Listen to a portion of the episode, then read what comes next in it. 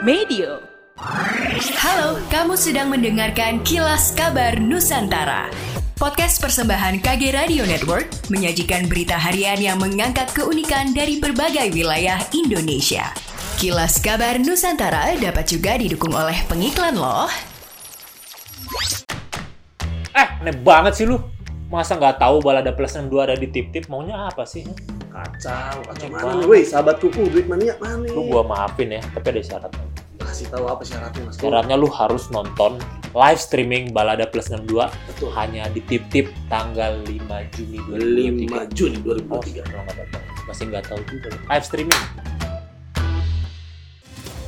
Program subsidi tepat yang telah disosialisasikan Pertamina sejak Juli 2020 kini mulai terlihat hasilnya. Sebagaimana diketahui, program ini bertujuan menjaga distribusi BBM bersubsidi agar tepat menyasar masyarakat yang berhak. Dampak positif hadirnya program subsidi tepat ini pun perlahan-lahan mulai dirasakan oleh masyarakat. Terlihat dari kurangnya antrian di SPBU untuk jalur BBM subsidi. Tidak hanya itu, kuota BBM subsidi dari pemerintah kepada masyarakat dapat tercukupi. Area Manager Communication Relation and CSR PT Pertamina Patra Niaga Regional Sulawesi Farugi Andriani Sumambo mengatakan, khusus di Sulawesi rata transaksi BBM menggunakan QR Code telah mencapai 99 persen. Dalam 8 hari terakhir yakni periode 16 sampai dengan 23 Mei pembelian BBM subsidi di 6 provinsi yakni Gorontalo, Sulawesi Barat, Sulawesi Selatan, Sulawesi Tengah, Sulawesi Tenggara, dan Sulawesi Utara mencapai 336.776 transaksi. Dari jumlah tersebut, 332.748 di antaranya sudah bertransaksi menggunakan QR Code. Lebih lanjut, Fahrugi mengimbau agar segera mendaftarkan kendaraannya pada program subsidi tepat. Saat ini pihaknya tidak lagi melayani pembelian solar subsidi jika konsumen tidak memiliki QR Code.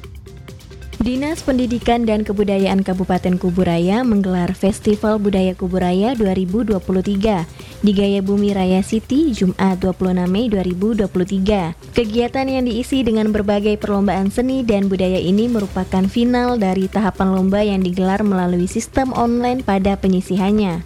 Kepala Dinas Pendidikan dan Kebudayaan Kabupaten Kuburaya, Muhammad Ayub menegaskan kegiatan ini merupakan kegiatan yang bertujuan untuk membangkitkan gairah budaya di Kuburaya.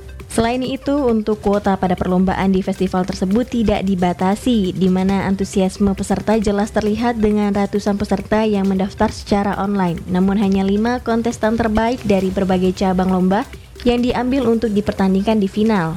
Demikianlah kilas kabar Nusantara pagi ini.